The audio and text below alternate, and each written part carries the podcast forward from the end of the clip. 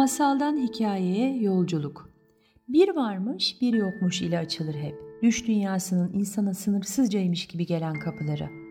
Kapının gerisindekiler artık düşsel dünyanın gerçeklikle eşleştirilmesi mücadelesine dönüşür farkında olmadan.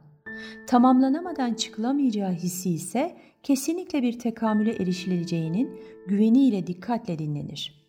Masallar hele de anlatıcının ruhu da içerideyse pek bir tadına doyulmaz bir iştahla sindirilir ve doygunluk hissi verir dinleyiciye.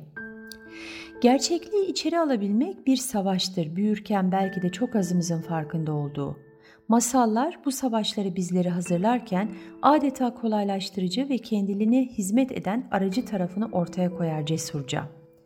İyiliğin kötülükle mücadele ettiği, adaletin haksızlığa karşı galip geldiği, yalan dolanın dürüstlükle cevap bulduğu masallar sembollerin hayat bulduğu, gölge tarafların meydanlara sürüldüğü, imgelerin yalnız kalmadığı kendilik alanları oluşturur zamanla. Yetişkinlik hayatımızda gerçeklikle yüzleşme zorunluluğu getiren olaylarda zihnimizin ve duygu dünyamızın masal arşivinden çıkarırız içimizdeki direnci. Öyle ki bir bakarız Alaaddin gibi bir lamba ararız, içinden cin çıkacak, tüm arzularımız gerçek olacak.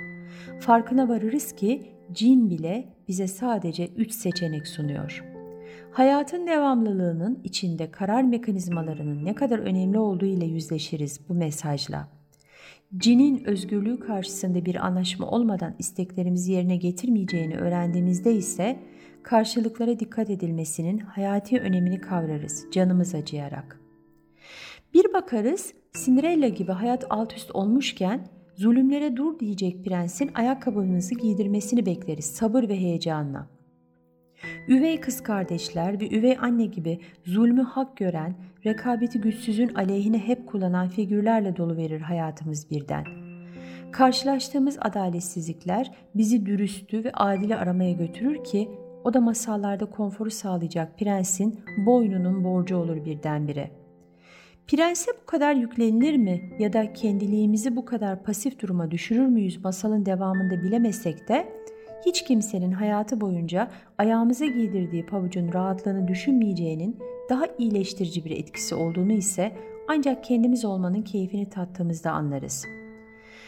Bir bakarız Keloğlan gibi aklımız fikrimiz her ne pahasına olursa olsun arzularımızı gerçekleştirmek ise her yol mübahtır deyip gerçek yollardan saparız. Para, ün, şan, şöhret bize kendimizi unuttursa bile göze girmek, göz önünde olmak aşkı baskın çıkar tüm değerlerimize. İçimizdeki Keloğlan'ın anasının sesini dinler, büyülenmiş gibi ona ya da onlara kendimizi kanıtlamaya çabalarız. Şanslı olanlarımız bu sarp ve sıkıntılı yollardan dönmeyi başarır da değerlerini bulur ya da kavuşur.'' Diğerlerinin hikayeleri ise eve dönen Keloğlan'ın anasından dayak yiyerek bedel ödemesiyle vahim bir şekilde son bulur. Hiç ayrışamamanın arsız baskısı hayatlarındaki kendi imzalarının yerine geçer sürekli.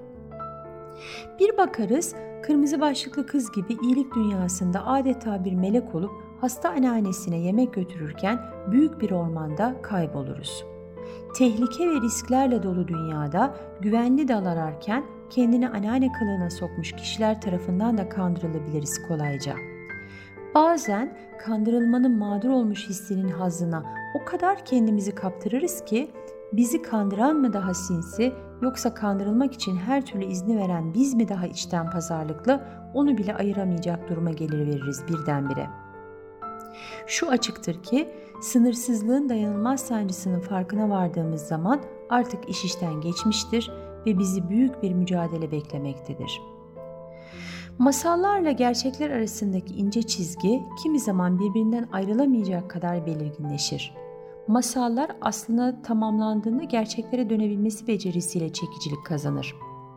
Cinler, periler, cadılar, arkasında ne olduğunu merak ettiğimiz Kaf Dağı ile kraliçeler, prensler, prensesler karşı karşıya geldiğinde bize aktarılacak olanlar hayatımızdaki sembollerle nasıl geçinebildiğimiz ya da onları nasıl yüklenebildiğimiz ile daha da açıklık kazanır. Yoldan sapmalar, yolu bulmalar, adaletsizlikler, hayal kırıklıkları üzerine karşı karşıya kaldığımız yaslar masallardaki kadar kısa sürmeyebilir. Bunlarla yüzleşmede yetersiz kalınmasını ve kendiliğimizin karanlık yönlerimizde sahiplenmeyi yapamamamızın sebebi belki de masaldan çok masalsı bir hikaye sürdürmeyi tercih etmemizden kaynaklanıyor da olabilir.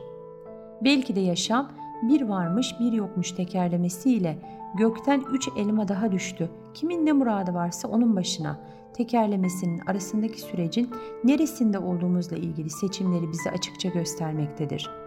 Nerede durduğumuzun farkına varmaksa bir hikaye oluşturmadaki göstereceğimiz çabamız kadar olacağı aşikardır.''